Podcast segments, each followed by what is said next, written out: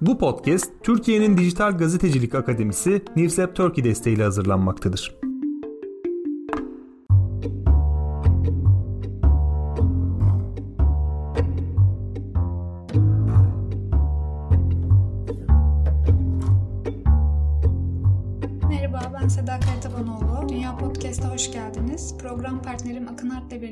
Avrupa Medyası'nın 3. bölümüyle karşınızdayız. Avrupa'daki medya kültürünü ve kodlarını konuştuğumuz bu program Dijital Gazetecilik Akademisi Nislep Turkey tarafından destekleniyor. Almanya'daki seçim döneminde medya kurallarını anlatması için söz hakkını vermeden önce kısa bir hatırlatma yapmak istiyorum. Dinleyicilerimiz bizi sosyal medya üzerinden ve dinledikleri podcast platformları üzerinden takip edebilir ve paylaşabilirler. Twitter için @dünya_podcast, Instagram için @podcastdünya yazarak ya da Facebook ve LinkedIn üzerinden Dünya Podcast olarak ulaşabilirsiniz. Ayrıca program önerisi, eleştiri, yorum ya da herhangi bir konuda bize ulaşmak isterseniz dünyapodcast.gmail.com adresine mail atabilirsiniz. Dinlediğiniz podcast platformları üzerinden de takip et ya da abone ol tuşuyla yeni bölümlerimizden haberdar olabilirsiniz diyerek Söz hakkına bırakıyorum. Tamam. Bugün aslında ne konuşacağımızı kısaca özetleyerek başlayayım ve neden bu konuyu seçtiğimizi her zaman olduğu gibi biraz izah etmeye çalışayım. Bugün Avrupa ülkelerinde başta Almanya ve Fransa olmak üzere genel seçimleri ve genel seçimlerin medya tarafından nasıl ele alındığını tartışacağız. Yani genel seçimlerde her parti temsil edilebiliyor mu? Bir demokratik usul, yordam oluşturulabilmiş bir konuyla ilgili ne tür programlar var? Bunlara değinmeye başlayacağız. Ben kendi yaşadığım ülke olan Almanya'yı bir miktar aktaracağım. Şimdi Şimdi Türkiye'de bildiğiniz gibi bu durum bir süredir tartışmalı. Özellikle kamu yayıncılığının bütün partilere eşit mesafede olup olmadığı bir süredir tartışılıyor. Aslında tartışılmıyor da yani çok bariz bir şekilde belli her partiye eşit mesafede olmadığı ama eleştiri konusu haline getiriliyor diyelim en azından. Ee, şimdi Almanya'ya baktığımızda bu konuda kısmi bir eşit temsiliyet den söz etmek mümkün bana göre. Fakat bunun da kendi sıkıntıları ve eksiklikleri var. Onu anlatmaya çalışacağım. Seçim satımı haline girilmesiyle birlikte özellikle kamu yayıncı kuruluşları tarafından belli bir program açıklanıyor. Yani her kamu yayıncı kuruluşunun nasıl bir tutum alacağını genel seçimlerde ve nelere dikkat edeceğini, nasıl bir süre dağılımına sadık kalacağını açıklaması bekleniyor ve kamu yayıncı kuruluşlarının bu doğrultuda eşit bir temsil hakkı sağlaması üzerinden bir beklenti var. Fakat tabii her kamu yayıncı kuruluşunun eşit derecede büyük ve eşit derecede takip edilen kamu yayıncı kuruluşları olmadığını da belirtelim. Kamu yayıncı kuruluşları ile ilgili ilk programımızı yapmıştık. Bunun detaylarına bakmak isteyen olursa oradan bakabilirler. Almanya'da pek çok kamu yayıncı kuruluşu var. Bunların bir kısmı yerel ölçekte faaliyet gösteriyor, bir kısmı ulusal ölçekte faaliyet gösteriyor. ARD ve ZDF bunların en bilinenleri. Seçim sürecinin başlamasıyla birlikte şuna ARD ve ZDF'de özellikle en çok izlenen ve ulusal ölçekte yani ARD biraz daha karmaşık bir yapı içinden bir sürü kanalı barındırıyor da birinci kanalda diyelim pek çok tartışma programı görmek mümkün oluyor. Bu tartışma programlarının bir kısmı Elephant'ın Runde diye e, adlandırılıyor ve bu programlara federal mecliste Bundestag'da temsil edilen partilerin liderleri daha doğrusu şöyle söyleyelim başbakan adayları katılıyor. Çünkü bunun istisnaları olabiliyor zaman zaman. Örneğin bir önceki seçimde SPD'nin eş genel başkanları değil onun yerine Olaf Scholz başbakan adayı gösterilmişti. Ve SPD adına bu tartışmalara katılan isim partinin eş genel başkanları yerine Olaf Scholz olmuştu. Bu tartışmalarda herkese eşit söz hakkı ve benzer soruların sorulması üzerinden bir tartışma yürütülüyor. Bizim eskiden Türk televizyonlarında görmeye alışık olduğumuz partiler açık oturumu aslında buna tekabül ediyor. Fakat buradaki temsiliyetin mecliste temsil edilen partiler şeklinde olduğunu belirtmiş olayım. Bunun dışında seçimden çok kısa süre önce en kuvvetli iki başbakan adayının, iktidar veya ana muhalefetin başbakan adaylarının geleneksel olarak televizyona çıktığı ve tartıştığı duel adı verilen bir duel diye anılan bir tartışma programı usulü var. Fakat bu duel zaman zaman başka formlara da bürünebiliyor. Örneğin bu seçimlerde normalde çok alışık olmadığımız şekilde Alman televizyonlarında bir duel yerine yani ikili bir düello yerine bir trial diye anılan e, program yapıldı. Yeşillerin başbakan adayı Annalena Baerbock da bu tartışma programına katıldı. Çünkü ilk defa yıllar sonra Yeşillerin bir başbakan çıkarma ihtimali yüksek sesle dile getirilir olmuştu. Bunun mümkünatı olduğuna dair yorumlar yapılmıştı. Dolayısıyla bu programa SPD'nin başbakan adayı Olaf Scholz, Yeşillerin başbakan adayı Annalena Baerbock ve Hristiyan Birlik Partilerinin başbakan adayı Armin Laschet katılmıştı. Bunlar aslında alışık olduğumuzu söyleyebileceğimiz formatlar. En azından 30'larından daha genç olmayan kişilerin bir şekilde televizyonda çocukluklarında belki rastlamış olabileceği program türleri. Fakat Almanya özelinde çok enteresan bir başka usul var. Berliner Runde deniyor buna seçimin hemen arkasından yani ilk sonuçların açıklanması ki bizdeki kadar koşturmalı bir sonuç açıklanma faslı olmuyor. Almanya'da, Fransa'da da muhtemelen öyledir. İşte şu kadar açıldı, bu kadarı işte Anadolu Ajansı'na göre böyle bilmem neye göre böyle. Yani çok kısa süre sonra aslında aşağı yukarı her partinin ne kadar oy aldığı belli oluyor. Ve bu ilk sonuçların ekrana yansımasıyla birlikte her partinin başbakan adayı Bundestag'da temsil edilen bir canlı yayına çıkıyorlar ve ilk sonuçları değerlendiriyorlar. Bu seçim 2021 seçimi benim Almanya'da denk geldiğim ilk genel seçimdi. Bir önceki genel seçimde ben e, İstanbul'daydım. O sırada İstanbul'da çalışıyordum. Televizyondan çok sık televizyon izleyen biri olmamama rağmen doğal olarak takip etmek istedim kamu yayıncı kuruluşlarından. Ve şöyle garip bir an yaşandı. Onu paylaşmak istiyorum. Sonuçlar açıklandı. Bir yandan tabii ki televizyon izliyorum. Bir yandan da işte arkadaşlarımla konuşuyorum vesaire WhatsApp'tan. Yani bir yerden sonra tam konsantrasyonla takip etmiyordum televizyonu. Bir anda sonuçların açıklandığı program bitti ve bu Berliner Runde diye anılan program girdi yayına. Ben göz ucuyla bir baktım. Aa dedim herhalde seçim programı bitti. Eski tartışmaların tekrarını veriyorlar böyle bir usulden haberdar değildim o zaman. Yani bunun bir tekrar programı zannettim. Çünkü sonuçların açıklanmasının hemen arkasından bütün liderlerin sonuçları, ilk sonuçları değerlendirmek zorunda olduğu bir format. Çok stresli bir format olmalı liderler açısından. Bana çok alışılmadık gelmişti. Sonra bir yandan işte mesaj atıyorum vesaire bir yandan dinliyorum. Baktım sonuçları değerlendiriyorlar. Yani a dedim canlıymış program vesaire. Böyle bir şok yaşamıştım. Türk izleyiciler için de çok alışılmadık olacağını tahmin ettiğim bir format olduğu için bunun özel olarak altını çizmek istedim. Bu Berliner Runde adetinin, geleneğinin. Şimdi buraya kadar aslında olumlu kısımları saydım. Olumsuz sayılabilecek, daha doğrusu yetersiz sayılabilecek kısımlara dair de birkaç laf edeyim. Ondan sonra sözü Seda'ya bırakayım hızlı hızlı. Herhangi bir eyalette liste çıkaran her partinin aslında kamu yayıncı kuruluşlarında eşit olarak temsil edilmesi bekleniyor. Yasada böyle tarif edilmiş. Fakat bu eşit temsil nedir? Bu tabii ki bir miktar tartışmalı. 2021 seçimlerinde 47 parti yarışmış toplamda. Fakat bunların hepsi her eyalette veya bazıları herhangi bir eyalette bir liste çıkarmıyorlar eyaletin tamamında.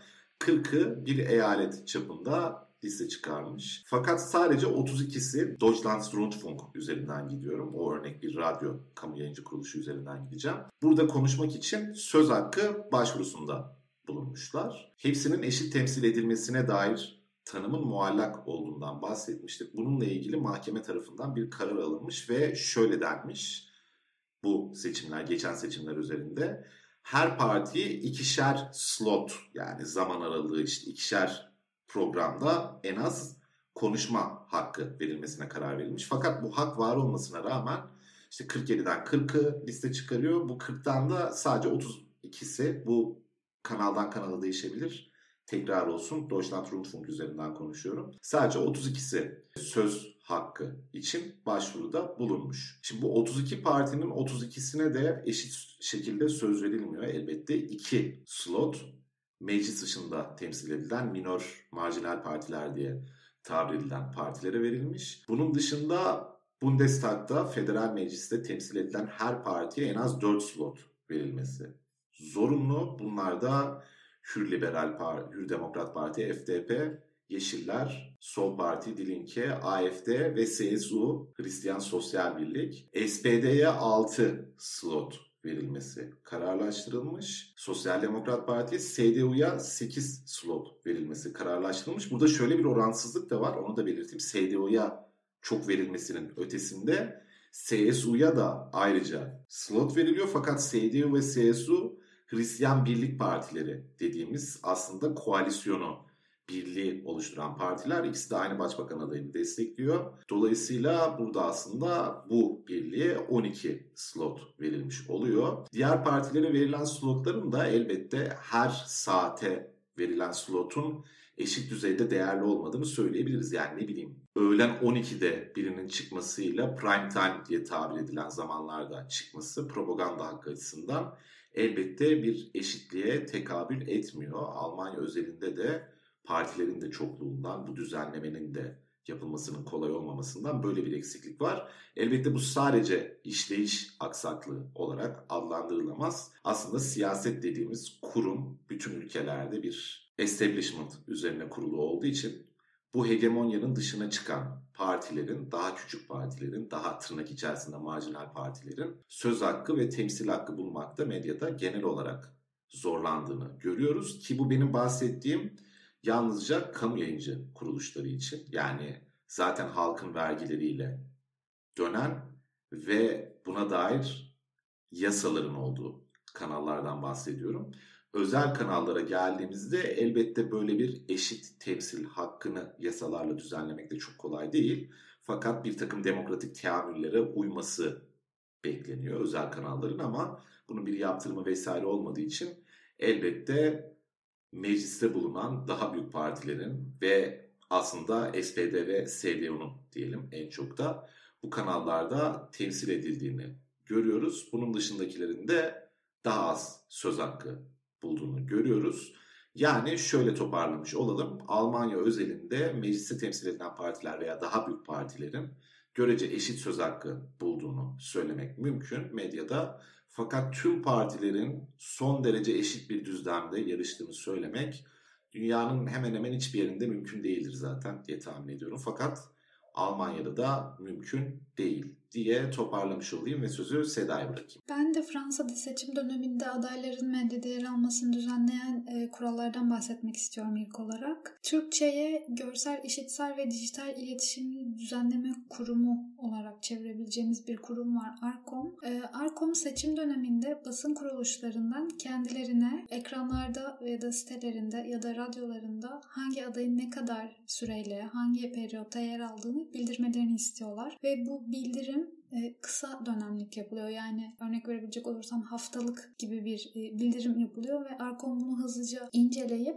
eğer bir ihlal varsa buna dair yaptırım uygulama yetkisine sahip. E, bu yaptırımlar idari ve mali olabiliyor. Bu bahsettiğim kısa periyot bunun sebebi ise acil bir yaptırım söz konusu olmaması için ve bu yaptırımları kademeli olarak uygulamayı tercih ediyorlar. Aslında medya kuruluşunu e, yaptırıma maruz bırakmadan önce bunun önüne geçmek istiyorlar ve bu tercih ettikleri ilk seçenek değil. Cumhurbaşkanlığı seçimlerinde e, son iki hafta önce eşit konuşma kuralı başlıyor. Aslında buna eşit diyorum ama e, adil olarak tanımlıyor bunu Arkom kendi sitesinde.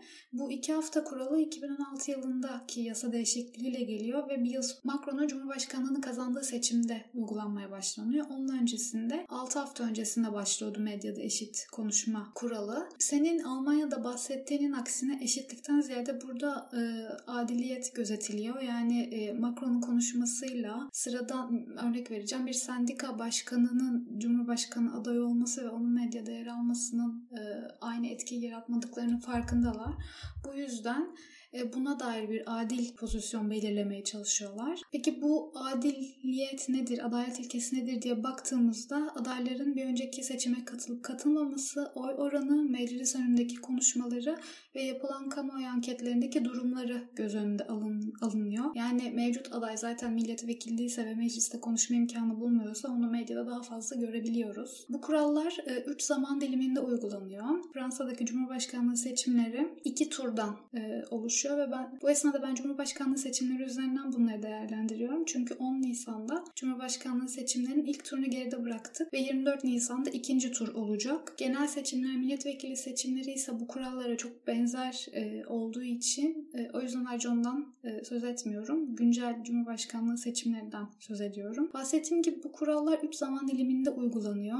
E, iki turlu seçim olduğu için. İlki yine yaşadığımız, yani içinde bulunduğumuz seçim döneminden örnek vermem gerekirse ilk bölüm 1 Ocak ve 7 Mart arasındaki bölüm. Bu bölümde resmi olarak adaylık başvurusu yapmış kişiler hem de adaylık başvurusu yapabileceği ihtimali olan kişiler potansiyel aday olarak değerlendiriliyor. Bu noktada henüz adaylık kesinleşmemiş kişilerin aday olarak değerlendirmesinin sebebini ise halka bu e, aday olma ihtimali olan kişileri eşit olarak sunmak olarak açıklanıyor. Şunu da belirtmemde fayda var. Fransa'da Cumhurbaşkanı aday olmak için 500 tane seçilmiş yetkilinin imzasını almak gerekiyor. Yani belediyede seçilmiş kişiler, belediye başkanları size sponsor olmak zorunda. Bu siz resmi olarak aday olmak isteseniz dahi o 500 sponsorluk imzasını eğer toplayamazsınız aday olamıyorsunuz. Yani bu ilk turda 500 imzayı toplamanıza gerek yok. Potansiyel bir aday olmanız bile yeterli.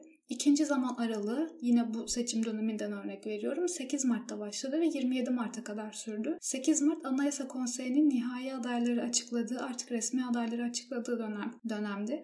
Ve kurallar burada biraz sertleşti. Ee, sen sadece başbakan adaylarının televizyonda yer alabildiğinden bahsetmiştin ama burada adaylar ve onların ekibinden olanlar, destekçileri de aslında o aday konuşuyormuş gibi değerlendiriliyor. Yani Macron yerine onun ekibinden biri çıktığında o süre Macron'a yazıyor aslında. Onun propagandası yapıldığı için. Ya başbakan adayı dedim de aslında bir, bir, bir takım e, nüanslar var yani şey tepe adayı diyelim öyle bir kavram var. Onlar işte bir şekilde şey bulabiliyorlar başbakan adayı şeklinde olmasa da. Yani öyle bir kısa kestim ama bir onu ekleyeyim. Bir de yani eşitlik üzerinden tartışılıyor ama aslında Almanya'da da benzer işte adillik demek belki daha doğru. Çünkü eşit söz hakkı yok ve eşit destek de yok. Eşit beklenti de yok kamuoyunda yani hani toplumun %25'inin 30'unun oy verdiği bir e, siyasetçi ne bileyim hip hop partisi de var Almanya'da. Yani tabii ki onunla eşit söz hakkına sahip olmuyor. Öyle bir parantez açtım. Aslında şey sormak istedim. Yani sadece bir adayın çıkıp konuşması bu süreyi e, bu süreye yansımıyor. O adayın iletişim ekibinin biri olabilir, e, onu destekleyen bir siyasetçi olabilir. O adaya yazıyor bu süre. Bu dönemde yani ikinci zaman aralığında artık resmi adaylar yarışıyorken belli saat aralıkları var. Bu saat aralıklarında tüm adaylara eşit süre verilmeli. Bu süreler sabah 6 ve 9 arası yani sabah bültenlerinin olduğu bir Aralık. 2. Aralık sabah 9 akşam 18. 3. Aralık akşam 18 gece yarısı ve son Aralık gece yarısından sabah 6'ya kadar. Bu nedenle bir kanalın konuşma süresini dengelemesi için bir aday yalnızca gece yayınını alması söz konusu değil. Bu 4 periyotta söz hakkını dengelemeli bu şekilde kullanmalı. Ayrıca aday listesi yayınlandıktan sonra yani bu dönem için 8 Mart'tan itibaren Arkom en az haftada bir zaman çizelgesini yayınlamak zorunda. Arkom sitesine girerseniz eğer e, istediğiniz televizyon kanalını seçtiğinizde hangi e, adayın hangi saatler aralığında yer aldığını, onun diğer adaylarla karşılaştırılmasını, yüzde oranını görebiliyorsunuz. Son zaman aralığı ise 28 Mart'tan 22 Nisan kadar olan süre yani ikinci turdan hemen öncesi. Bu süreçte daha fazla katı kurallar var. Çünkü e, ilk turu da kapsıyor aslında bu. E, ilk tur 10 Nisan'daydı. 10 Nisan'dan bir gün öncesinde anket yayınlamak yasak. Yine ikinci tur 24 Nisan'da. 24 Nisan'dan bir gün önce de anket sonuçlarını yayınlamak yasak. Adayların ve onların ekibinin seçim propaganda mesajlarını yayınlamak da yasak. Bu yasak hem televizyon, internet ve radyo için geçerli. Seçim döneminin olmazsa olmazları tartışma programlarından da bahsedebilirim. Aslında bunu ikinci başlığa bıraktım. Çünkü seçim döneminde öyle çok heyecanlı, hararetli seçim tartışmaları görmedik televizyonlarda. Bunun sebebi ise birkaç televizyon kanalının yaptığı araştırmaya rastladım. 2017 yılındaki Cumhurbaşkanlığı seçimlerine göre halkın şu an bu seçime ilgisi daha az. Bunun sebebi Covid, savaş, ve enflasyon ekonomik kriz olarak değerlendiriliyor aslında. Yani Ekonomik kriz demek belki doğru olmaz ama enerji krizi, e, Avrupa'ya göre fazla olan %5 civarı reel olan enflasyon olarak değerlendiriliyor. E, tabii ki Türkiye'den farklı olarak seçim gündemi dışında da ülke gündemine dair siyasi liderler e, tartışma programlarında karşı karşıya gelebiliyor. E, bizim Akın'la favori dizimiz Borgen izleyenler de bilir. E, böyle bir stand arkasında ayakta e, ülke gündemine dair e, soruları yanıtlayan ve gazeteciler tarafından sıkıştırılan e, siyasetçileri görmek çok mümkün. Değinmek istediğim diğer bir nokta ise kişisel verilerin korunması. Bu açıkça her yerde yazıyor aslında yani seçim ve medya ile ilgili araştırma yaptığınızda bu bilgiye çok rahat ulaşabiliyorsunuz. Seçim döneminde basında yer alan e, siyasetçilerin sadece seçimle ilgili verilerinin kullanılması mümkün ve siyasi amaçla kullanılmalı. Kişisel ve özel verileri kullanılmaması gerekiyor tabii ki ve bu e, e, kanunlarla yasaklanmış durumda. Şöyle bir örnek verebilirim. 2022 yılındaki yerel seçimlerde Cumhurbaşkanı Macron'un partisinin Paris Belediye Başkanı adayı vardı. Bu adayın bir seks videosu ortaya çıkmıştı. Daha sonra adaylıktan çekilmek zorunda kalmıştı ve o dönem e, Sağlık Bakanı olan kişi Paris Belediye Başkanı adayı olmuştu. O zaman ben medyada şunu gördüğümü çok net hatırlıyorum. Yani bu onun kişisel hayatı, siyasi hayatını e, bağlamaz. Niye adaylıktan çekildi gibi tepkiler e, medyada yer bulmuştu ve bu yani bu düşüncede olan büyük bir çoğunluk vardı. Kamu, bu bahsettiğim tüm kurallar kamu medyası için de geçerli. Kamu medyası özel kurallarla e, düzenlenmiyor. Fransa'dan sonra Avrupa'daki diğer frankofon ülkeleri hızlıca bir göz attım. Aslında Belçika ve İsviçre'de de e, benzer kurallar var. Belçika ile başlayayım. Bir yayıncının e, seçim kampanyasındaki yükümlülükleri seçimden 3 ay önce başlıyor. Eğer erken seçime de olağanüstü bir seçim varsa bu süre 40 güne düşürülüyor. Fransa'da ise 3 e, periyotlu bir dönemden bahsetmiştik. Seçim yönetmenin temel hükümlerinden biri e, seçimlere aday olanların programlarını ve siyasi kişiliklerini temsiliyetlerine göre dengeli bir şekilde tanıtmak. Burada da aslında dengeden ve adaletten söz ediyor. Bu döngeyi önemli buluyorlar çünkü Facebook ve Twitter gibi geleneksel medya gibi düzenlenemeyen platformların seçim üzerinde çok fazla etkisi olduğunu farkındalar ve bunu dengelemek için de partileri ve adayları kendi e, etkileri çerçevesine yer vermeye ve dengelemeye çalışıyorlar. Yine işte konuşma süresi ilkesinden bahsetmek mümkün. Güncel e, olaylarla ilgili açıklama yapan bir siyasetçi varsa o olayla o siyasetçinin ne kadar ilgili olduğuna bakıyorlar. Yani yayıncılar kendilerine e, olaya müdahale eden siyasetçinin gerçekten o olaya müdahil olması gereken referans kişi olup olmadığını soruyorlar ve aslında burada gazetecilerin eşik bekçisi rolü öne çıkıyor. Belçika'da seçim döneminde kadın ve erkek arasındaki e, temsiliyet dengesi kanunlarda yer alıyor. Özellikle 2018 yılından itibaren bunu özellikle dikkat ediliyor. Aynı denge e, gözetimi azınlıklar için de geçerli. Küçük listeler ve popüler olmayan adayların görünür olmasını sağlamak yine seçim döneminde medyanın görevlerinden biri. Küçük listeler özellikle yerel seçimlerde e, belediye veya il meclis seçimleri için oldukça önem taşıyor Belçika'da. Anket konusuna gelirsek anketin kimin tarafından yapıldığı, hangi örneklemin kullanıldığı, veri toplama yöntemi ve hata payı oranını belirtmek oldukça önemli. Hatta bu bir kural. E, İsviçre'ye geldiğimizde ise çok daha fazla e, rahatlık ve kuralsızlık göze çarpıyor. İsviçre'nin yönetim biçiminden dolayı aslında kurallar e, kantonlar ve özellikle komünler tarafından belirleniyor ve onların sorumluluğunda. Örneğin yasak olmamasına rağmen e, medya kurumları seçimden 10 gün önce anket yayınlamayı bırakıyor. Bu e, medya kurumlarının kendi tercihi. Yine ilginç bir örnek verebilirim. 2019 yılındaki seçimlerde namaz kılan bir kişiyi gösteren arkadan ve aşağıdan çekilmiş bir fotoğrafın altına kafanıza kullanın e, yazan bir e, cümleyle bir seçim afişi yapılmış. Bu seçim afişi e, yüksek mahkeme tarafından incelenmiş ancak herhangi bir Müslümanın şikayette bulunmasından dolayı değil. Kamu e, soruşturması girmiş burada devreye. E, yani aslında bu örneği okuduğumda aklıma şu geldi. Fransa'da Charlie Hebdo dergisini hepimiz biliyoruz. 2020 yılında bir öğretmen Charlie Hebdo'yu anlattığı için çok vahşi bir şekilde öldürüldü. Yani böyle bir afiş Fransa'da olsa ben olacakları düşünemiyorum. Günlerce bunu konuşuruz. Böyle diyeyim ve Fransa'yı, İsviçre ve Belçika'yı da aktarmış olalım. Senin eklemek istediğin bir şey var mıdır? Yok benim eklemek istediğim bir şey yok açıkçası. Bir sonraki programda bir ay sonra görüşmek üzere. Hoşçakalın. Hoşçakalın.